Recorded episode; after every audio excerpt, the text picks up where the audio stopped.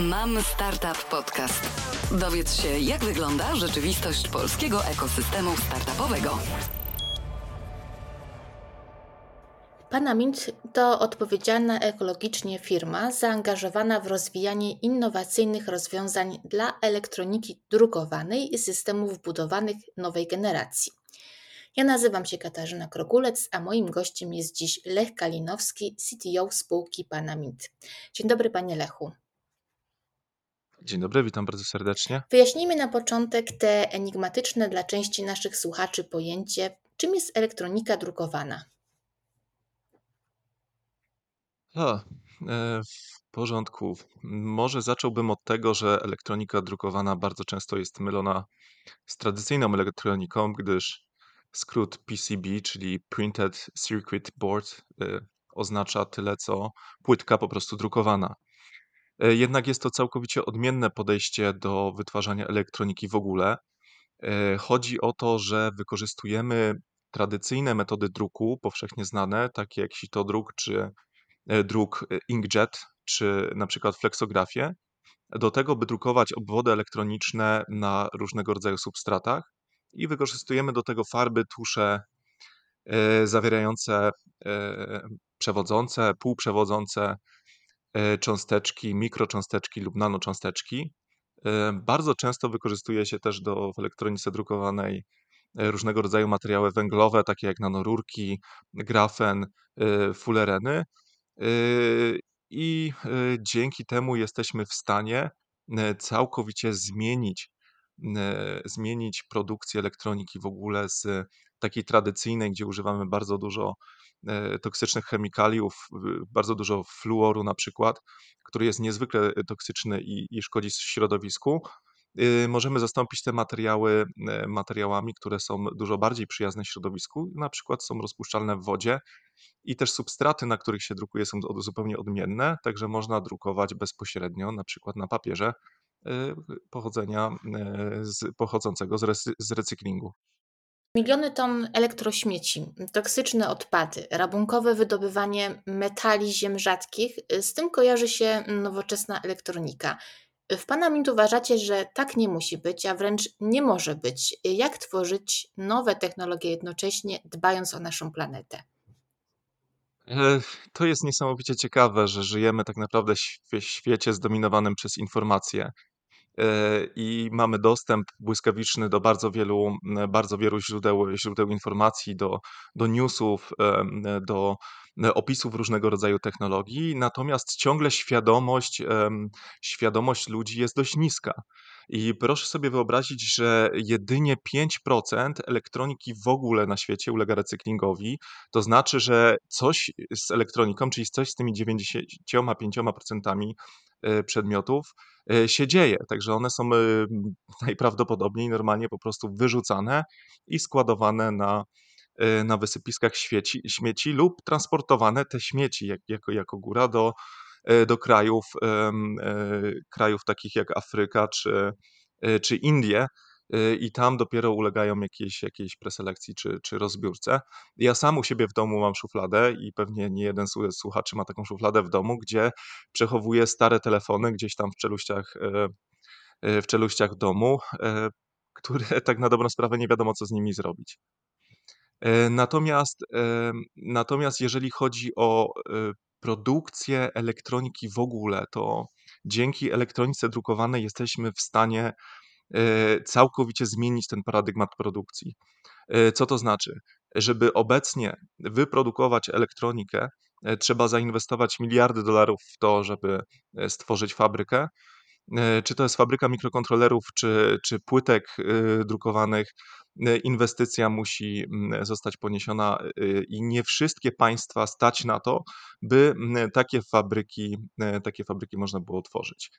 A więc zmienia się paradygmat produkcji elektroniki w ogóle.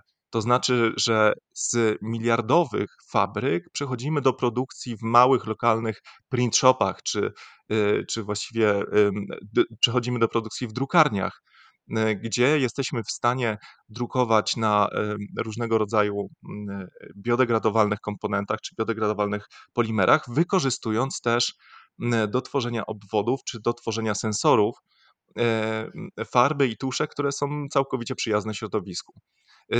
Dzięki temu jesteśmy w stanie tworzyć produkty, całe produkty elektroniczne. Nie chodzi mi tutaj jedynie o komponenty, które, które mogą zostać po prostu wyrzucone, nawet w lesie, i one ulegają biodegradacji i nie szkodzą w ogóle środowisku. Wspomniał Pan o szufladzie ze skarbami, takimi jak stare telefony, i zastanawiam się, czy na przykład zbiórki elektrośmieci nie rozwiązują trochę tego problemu? E, jak najbardziej, tylko że właśnie to jest dokładnie te 5%.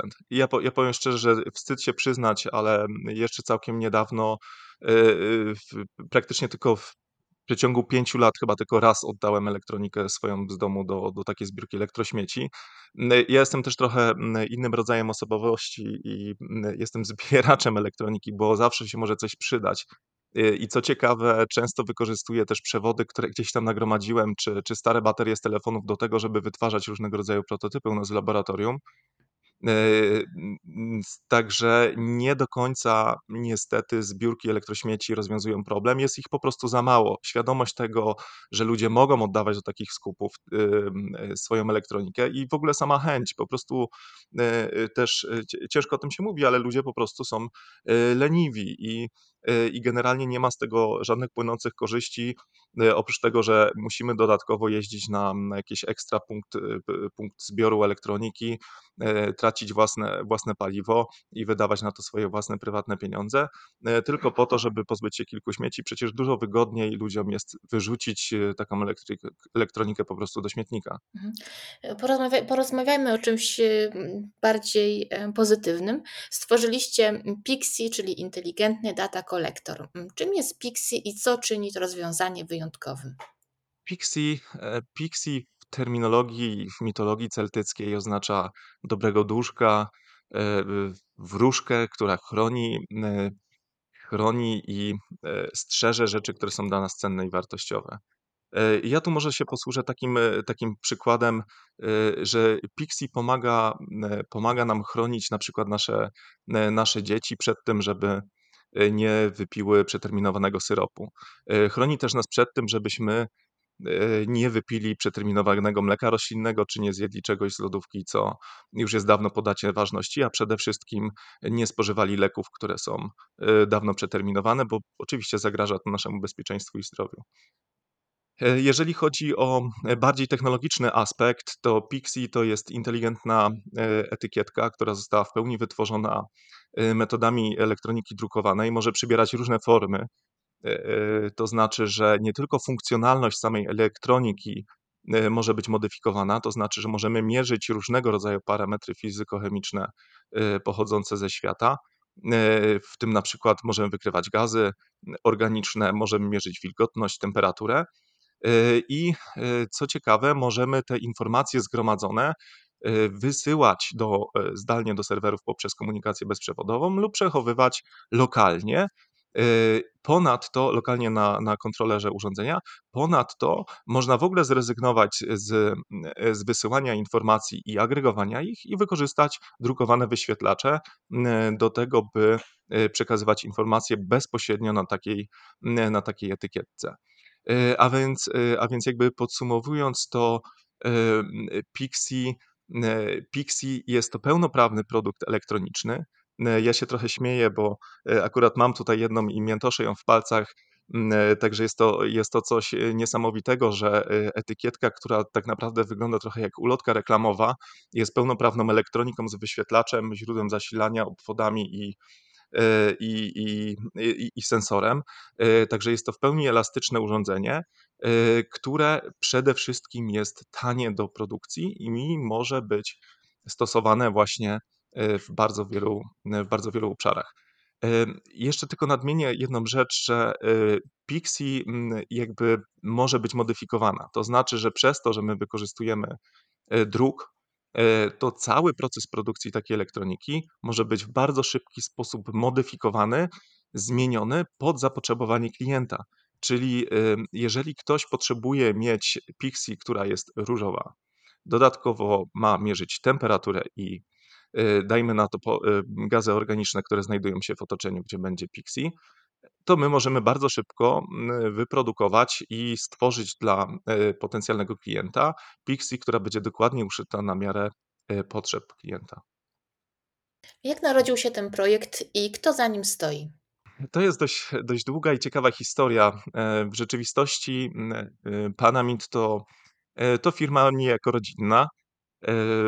Także my trzy lata temu, łącznie z moim kuzynem Mateuszem Bryningiem i z moim kolegą Adamem Przatkowskim e, spotkaliśmy się w Polsce na konferencji, usiedliśmy do stolika i zaczęliśmy rozmyślać, czy by nie było warto e, e, stworzyć w Polsce firmy, która de facto zajęłaby się technologią produkcji wyświetlaczy drukowanych takich nieemisyjnych, to znaczy, że wyświetlaczy, które nie generują żadnego światła, są bardzo też przyjazne środowisku i elastyczne, i czy by nie, nie, nie było fajnie zrobić taką fabrykę. Jednak z czasem y, zaczęliśmy inwestować własne środki w to, otworzyliśmy firmę. I, I wpadliśmy na pomysł, że jednak dobrze by było tworzyć e, nie jakby fabrykę dla pojedynczego elektronicznego komponentu, jednak studio, które tworzy i wdraża kompletne produkty elektroniczne. Y, I tak właściwie narodził się Panamint. Y, także to jest jeszcze jedną rzecz muszę tutaj nadmienić, bo e, nasza firma od samego początku jest firmą międzynarodową. Y, Mateusz na stałe mieszka w Stanach Zjednoczonych, w Dolinie Krzemowej, w, San Jose, i tam też mamy drugie laboratorium. Także jedno laboratorium znajduje się w Polsce, w Chorzowie, a drugie laboratorium w Dolinie Krzemowej w Stanach Zjednoczonych. Dlatego od samego początku próbujemy E, próbujemy podbić rynek e, i polski, i amerykański jednocześnie. E, chyba tyle, jeżeli chodzi o, o początki. Tak naprawdę to jest bardzo ciekawa historia, która sięga jeszcze czasów, że tak powiem, lat 70., ale wydaje mi się, że to nie na dzisiaj i może kiedyś jeszcze będzie okazja, żeby opowiedzieć trochę więcej o, o historii naszej firmy. W jakich branżach widzicie zastosowanie dla swojej technologii? To jest bardzo dobre pytanie. E, nie wiem, czy mm, większość ze słuchaczy zdaje sobie sprawę z tego, że e, elektronika tak naprawdę pozwoliła Amerykanom podbić świat. E, elektronika jest uniwersalna i znajduje obecnie zastosowanie w bardzo wielu branżach. Natomiast my, jako firma technologiczna, która próbuje wdrożyć produkty innowacyjne, które de facto, których jeszcze nie ma dzisiaj na rynku, czyli my ten rynek musimy sobie e, tak naprawdę stworzyć, to próbujemy zaadresować na początek branżę przede wszystkim spożywczą dla produktów, które są wysokowartościowe. Co to znaczy?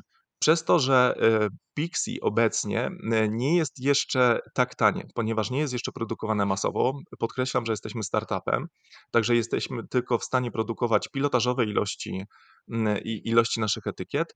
E, to są produkty takie jak na przykład homary czy, czy bardzo droga wołowina, dajmy na to skobę, która jest kupowana online. Y, I teraz y, bardzo dużo ludzi ogólnie boi się kupować jedzenie online z tego względu, że boją się po prostu, że się zatrują. Y, I tutaj znaleźliśmy naszą niszę, od której chcemy, chcemy zacząć wdrażać nasze, tak naprawdę to już zaczęliśmy to robić, nasze rozwiązanie. I to jest transport homarów w głąb Stanów Zjednoczonych z wybrzeża. E, homary są dość drogie, także proszę sobie wyobrazić, że klient kupując homara za ponad 100 dolarów czy 120 dolarów za kilogram, chce mieć pewność, że ten homar dotrze do niego w jak najlepszej jakości i kondycji. Mało tego, nie tylko klient chce to wiedzieć, ale chce to też wiedzieć producent i dystrybutor. E, także kolejnym krokiem dla nas są luksusowe kosmetyki. E, to znaczy, że branża, branża kosmetyczna e, produkuje, jakby jest też taki globalny trend i produkuje się kosmetyki, które są e, jak najbardziej organiczne, które składają się z naturalnych kompozycji komponentów, które siłą rzeczy nie są aż tak trwałe jak kosmetyki, które zawierają bardzo dużo konserwantów. I tego typu kosmetyki wysyła się na przykład na Bliski Wschód, gdzie jest bardzo ciepło, Y, I też y, można dzięki Pixie monitorować i i strzec niejako kosmetyki, które są wysyłane na przykład na Bliski Wschód. Tym samym można powiedzieć, czy nie uległy zepsuciu, czy nie została przekroczona jakaś temperatura krytyczna podczas transportu e, i można śledzić nawet jej położenie. Czyli teraz, ponieważ Pixie jest drogie, to rozumiem, że jest, że jest przeznaczone głównie dla towarów luksusowych, z tego co słyszę. E, znaczy się nie tyle co drogie, nie tyle co drogie. Już wyjaśniam. Koszty produkcji na chwilę obecną wynoszą mniej więcej 5-6 zł za pojedynczą etykietę. W porównaniu do tradycyjnej elektroniki to jest koszt minimalny. To znaczy, że żeby może, może trochę inaczej. W zakresie może trochę bardziej problem. Do tej pory nie było możliwe zastosowania tradycyjnej elektroniki w śledzeniu pojedynczego opakowania, dajmy na to, butelki PET. Z tego względu, że elektronika do tego jest po prostu za droga. I teraz na rynku znajdują się rozwiązania dla logistyki, które są drogie, bo to są pełne pudełka elektroniczne z e, kompletną baterią, e, z komunikacją, które są po prostu drogie w zastosowaniu. I teraz dzięki, dzięki elektronice drukowanej i produktom, które my wdrażamy, schodzimy tak bardzo z ceną, że jesteśmy w stanie adoptować i przyklejać pojedyncze etykietki na pojedyncze jednostkowe opakowania.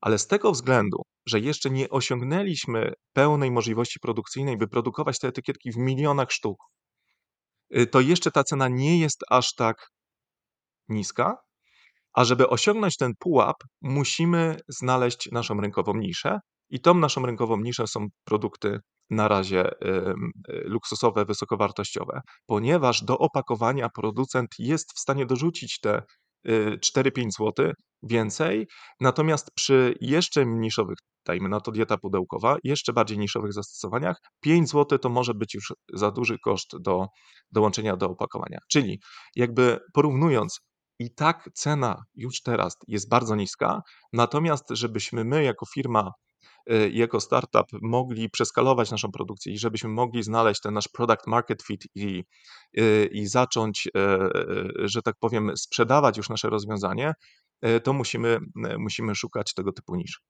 Czy dla Pixie będzie w przyszłości będzie sensem zaistnieć na przykład na takich towarach dyskontowych, czy to zupełnie jest. Mm, oczywiście, y, jak najbardziej.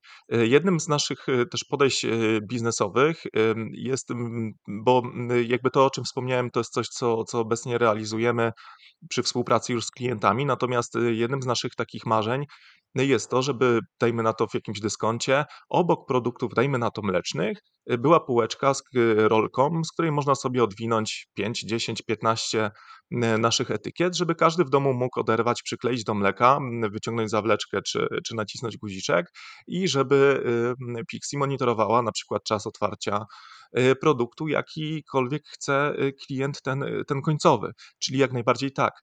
Generalnie, generalnie podejrzewam, że dalekiej, może, może nie tak dalekiej, ale wychodząc trochę w, jakby w przyszłość, cena tych etykiet, y, etykietek ciągle będzie maleć. Natomiast chciałem podkreślić jeszcze jedną istotną kwestię, bo y, Pixie y, jako taka jest atrakcyjnym produktem, które znajduje zastosowanie w bardzo wielu branżach, ale poprzez to, że jest taka łatwość modyfikacji, przez to, że jest to pełnoprawny produkt elektroniczny, postanowiliśmy podejść do, e, do naszego biznesu w trochę inny sposób i budujemy e, tak zwany Panamint Experience. To znaczy, że chcemy, aby nasi klienci doświadczali, doświadczali tych, że tak powiem, mocy Pixie, które pozwalają na mierzenie różnego rodzaju parametrów. To znaczy, że nie tyle atrakcyjne jest pojedyncze Pixie, tyle co atrakcyjna jest grupa Pixie, E, która mierzy różnorakie parametry w różnych miejscach, na przykład naszego mieszkania. Czyli jedno pixie przyklejone do mleka, inne pixie przyklejone do syropu, jedno pixie przyklejone w łazience, by mierzyć temperaturę, e, dajmy na to pomieszczenia i optymalizować e, temperaturę. Wszystkie mogą się komunikować, nie dość, że pomiędzy sobą, to mogą się komunikować z naszym telefonem czy z aplikacją, więc jakby Pixies tworzą całe doświadczenie i pozwalają nam tworzyć całe doświadczenie odbioru, e, odbioru tych danych, które za tym stoją. Czyli my w rzeczywistości jesteśmy w stanie powiedzieć bardzo wiele, wykorzystując Pixie przy, przyklejane w różnych miejscach, bardzo wiele o danym, e, danym środowisku i to doświadczenie chcemy zbierać e, i oferować naszym klientom. Na jakim etapie projektu jesteście w tym momencie? Praktycznie skończyliśmy mm, etap y, mocno badawczo-rozwojowy, mniej więcej od półtorej roku y, rozwijamy Pixie samo w sobie jako, jako etykietkę. Ja tutaj mam ją w ręce, także mm, trochę szkoda, że nie mogę się nią pochwalić y, przez kamerę, natomiast zapraszam na naszą stronę internetową, gdzie, gdzie można sobie zobaczyć. Dodamy zdjęcie do artykułu. A, jasne, no to ja, ja tak, pewnie, super. Ja, no po, po prostu podeślemy jeszcze zdjęcia samego Pixie, jak wygląda. W każdym bądź razie e, e, mniej więcej półtorej roku zajęło nam tworzenie samego Pixie. Mniej więcej od momentu, kiedy zaczęliśmy, dość wolno rozwijaliśmy się przez to, że inwestowaliśmy swoje własne środki.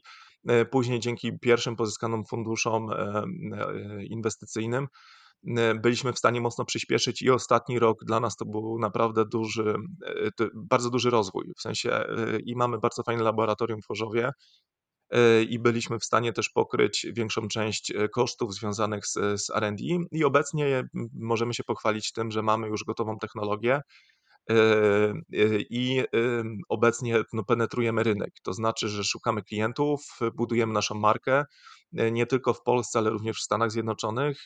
Także pojawiła się pierwsza sprzedaż, więc, więc jesteśmy jakby na dobrej drodze do tego, żeby to realne wdrożenie i być może w przyszłości jakaś dominacja rynkowa, co się oczywiście wszystkim w startupach zawsze marzy, e, się ziści.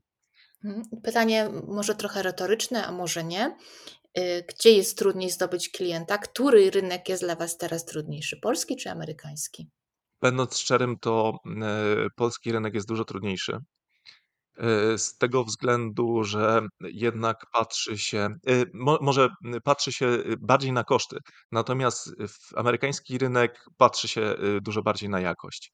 E, I teraz mamy, mamy takie, takie, taki trochę dysonans, bo w tym momencie z drugiej z jednej strony w Stanach możemy sprzedawać troszeczkę drożej nasze produkty, ale niestety jakość, którą musimy oferować, musi być maksymalnie wysoka. Natomiast w Polsce jest tak, że ta cena jednak jest tutaj dominantą, czyli im tańsze e, rozwiązanie, tym lepiej dla, dla wszystkich firm. E, myśmy też dość nieszczęśliwie trafili na dość trudny czas, jeżeli chodzi o ogólnie o koniunkturę po, polską, bo nie dość, że w międzyczasie, kiedy my zaczęliśmy nasz, budować nasz startup, wybuchła wojna na Ukrainie, inflacja zaczęła szaleć strasznie. Dodatkowo były to czasy post-covidowe, czyli zaraz po, po zakończeniu tak naprawdę COVID-u. I to wszystkie, cała ta koniunktura, no niestety dla nas jest mocno niesprzyjająca. Także mamy nadzieję też na to, że w najbliższych, w najbliższych latach trochę uda się E, trochę uda się jakby mocniej, e, mocniej działać i uda nam się jednak e, ten startup budować dalej u nas w kraju. A czy macie konkurencję i jakie są Wasze przewagi, jeśli macie oczywiście tę konkurencję nad konkurencją? Um, oczywiście istnieje konkurencja. Ja może tutaj porównam się do, do takich tradycyjnych rozwiązań z branży E, z branży przede wszystkim logistycznej, to istnieją jakby dwa rodzaje e, powiedzmy trackerów. Tak? Jedne to są e, poważne rozwiązania elektroniczne, tak drogie urządzenia, które zbierają bardzo duże ilości danych, monitorują parametry środowiskowe, stosowane głównie jako urządzenia zbiorcze, czyli nie są wykorzystywane przy pojedynczych opakowaniach produktów. Natomiast z drugiej strony są też bardzo proste etykietki, które działają na zasadzie tylko chemicznej, czyli nie jest to elektronika, zmieniają się pewne właściwości chemiczne materiałów użytych do produkcji, zmienia się jakiś kolor przy przejściu fazowym danej temperatury. E, tego typu produkty nie mają tych wszystkich features, które oferuje e, Pixie, nie są aż tak uniwersalne. E, jednak obserwujemy, że elektronika drukowana ogólnie to jest trend globalny. Pojawia się coraz więcej firm, które próbują zaadresować, które próbują wdrożyć tak właściwie tą niesłychanie ciekawą i, i rozwijającą się na świecie technologię. Natomiast wygra ten, kto znajdzie szybko swoją niszę. To znaczy, firmy osiągną sukces dopiero w momencie, kiedy, kiedy znajdą ten swój product market fit. I tych nisz jest do zaadresowania jest bardzo dużo. My szukamy swojej, widzimy też, że inne firmy, które, które oferują swoje produkty, też szukają swojej, natomiast nasze podejście jest trochę, trochę inne niż reszty. To znaczy, że patrzymy całościowo. Tak jak wspomniałem o Panamit Experience i wspomniałem o produktach elektronicznych, to my jako firma projektujemy i wytwarzamy kompletne produkty elektroniczne i nie skupiamy się na tworzeniu samych składowych czy komponentów technologii, chociaż też to robimy. E, to znaczy, że większość konkurencji naszej skupia się jedynie na, na, na częściach. Ktoś tworzy na przykład tylko i wyłącznie technologię wyświetlania i e, interesuje go tylko sprzedaż komponentu wyświetlacza. Jakaś inna firma, jakiś inny startup e, koncentruje się na wytwarzaniu źródeł zasilania, czyli na przykład baterii, i koncentrują się tylko i wyłącznie w tym obszarze. My koncentrujemy się na projektowaniu i budowaniu kompletnych produktów elektronicznych. Jakie największe wyzwania stoją przed Wami? Powiedzieliśmy już o tym, że dążycie do tego, żeby Pixie było bardziej masowe, więc żeby było mm, tańsze. A co jeszcze jest takim teraz ważnym aspektem? E, przede wszystkim świadomość i budowanie marki, to znaczy, że żadna firma, która zajmuje się technologią, e, szczególnie e, tak zaawansowaną jak elektronika drukowana i elektronika ogólnie, bo tutaj wchodzi i programowanie, i, i chemia, i bardzo wiele innych, innych fizycznych, chociażby projektowych rzeczy, to wyzwaniem obecnie dla nas jest balansowanie pomiędzy przekazywaniem kapitału E, e, który jeszcze mamy e, pomiędzy właśnie tymi działaniami marketingowymi na przykład, a działaniami R&D. Czyli z jednej strony cały czas jest taki delikatny balans pomiędzy tym, i to jest bardzo duże dla nas wyzwanie, delikatny balans pomiędzy tym, w którą stronę przekazywać środki, czy jednak w tym momencie skupić się już i całkowicie oddać do tego, żeby promować nasze produkty w Polsce, w Stanach, E, czy trochę więcej jednak jeszcze poświęcić na to, żeby jakość naszych produktów była wyższa. E, także to jest, e, to jest bardzo duże wyzwanie dla nas, natomiast jako cel obecnie stawiamy sobie to, żeby rozwinąć zespół, skalować produkcję i zbudować markę do tego, by, by zdobyć rynek i dystrybuować nasze produkty. Jesteście w tym momencie na etapie poszukiwania finansowania. Czy możemy powiedzieć, o jakich kwotach y, mówimy? Jak najbardziej. E, znaczy my obecnie poszukujemy e, y, funduszu inwestycyjnego, który będzie zainteresowany współpracą z nami i mniej więcej poziom finansowania, który teraz e, byłby nam jakby potrzebny do tego, byśmy się mogli skalować i, i budować tą markę, to jest około 5 milionów złotych. Yy, no, troszeczkę ponad milion dolarów i milion euro. W sensie yy, około yy, tego rzędu wielkości obecnie poszukujemy, poszukujemy finansowania, jeżeli chodzi o pozyskiwanie kapitału od, od ventures, od funduszy inwestycyjnych. A co oprócz y, pieniędzy, mm, jakie macie oczekiwania oprócz, oprócz tej kwoty względem inwestora? Y, wydaje mi się, że dość trudne dla nas jest y, operowanie na swobodne operowanie na rynku amerykańskim. I tutaj przede wszystkim wsparcie w pozyskiwaniu zagranicznego kapitału przez inwestorów.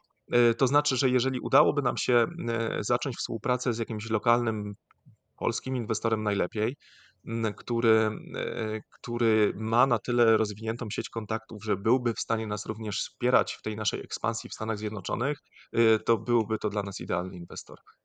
To znaczy, że dość, dość, ciężko, dość ciężko jest tam jakby przy takim małym zespole y, działać tak dwutorowo, tak, bez odpowiedniego kapitału początkowego. Y, to znaczy, że wsparcie w tych obszarach, gdzie, gdzie inwestor mógłby nas wesprzeć w poszukiwaniu kapitału zagranicznego, szczególnie w Stanach Zjednoczonych, byłoby po prostu dla nas zbawienne. Mhm. A czy inwestor venture powinien być branżowy? Bo nie wiem, pod co się podpinacie, czy pod deep tech, czy pod jakąś inną dziedzinę? Znaczy się, y, nie, nie, niekoniecznie. Niekoniecznie, w sensie nie, nie musi to być stricte branżowy inwestor.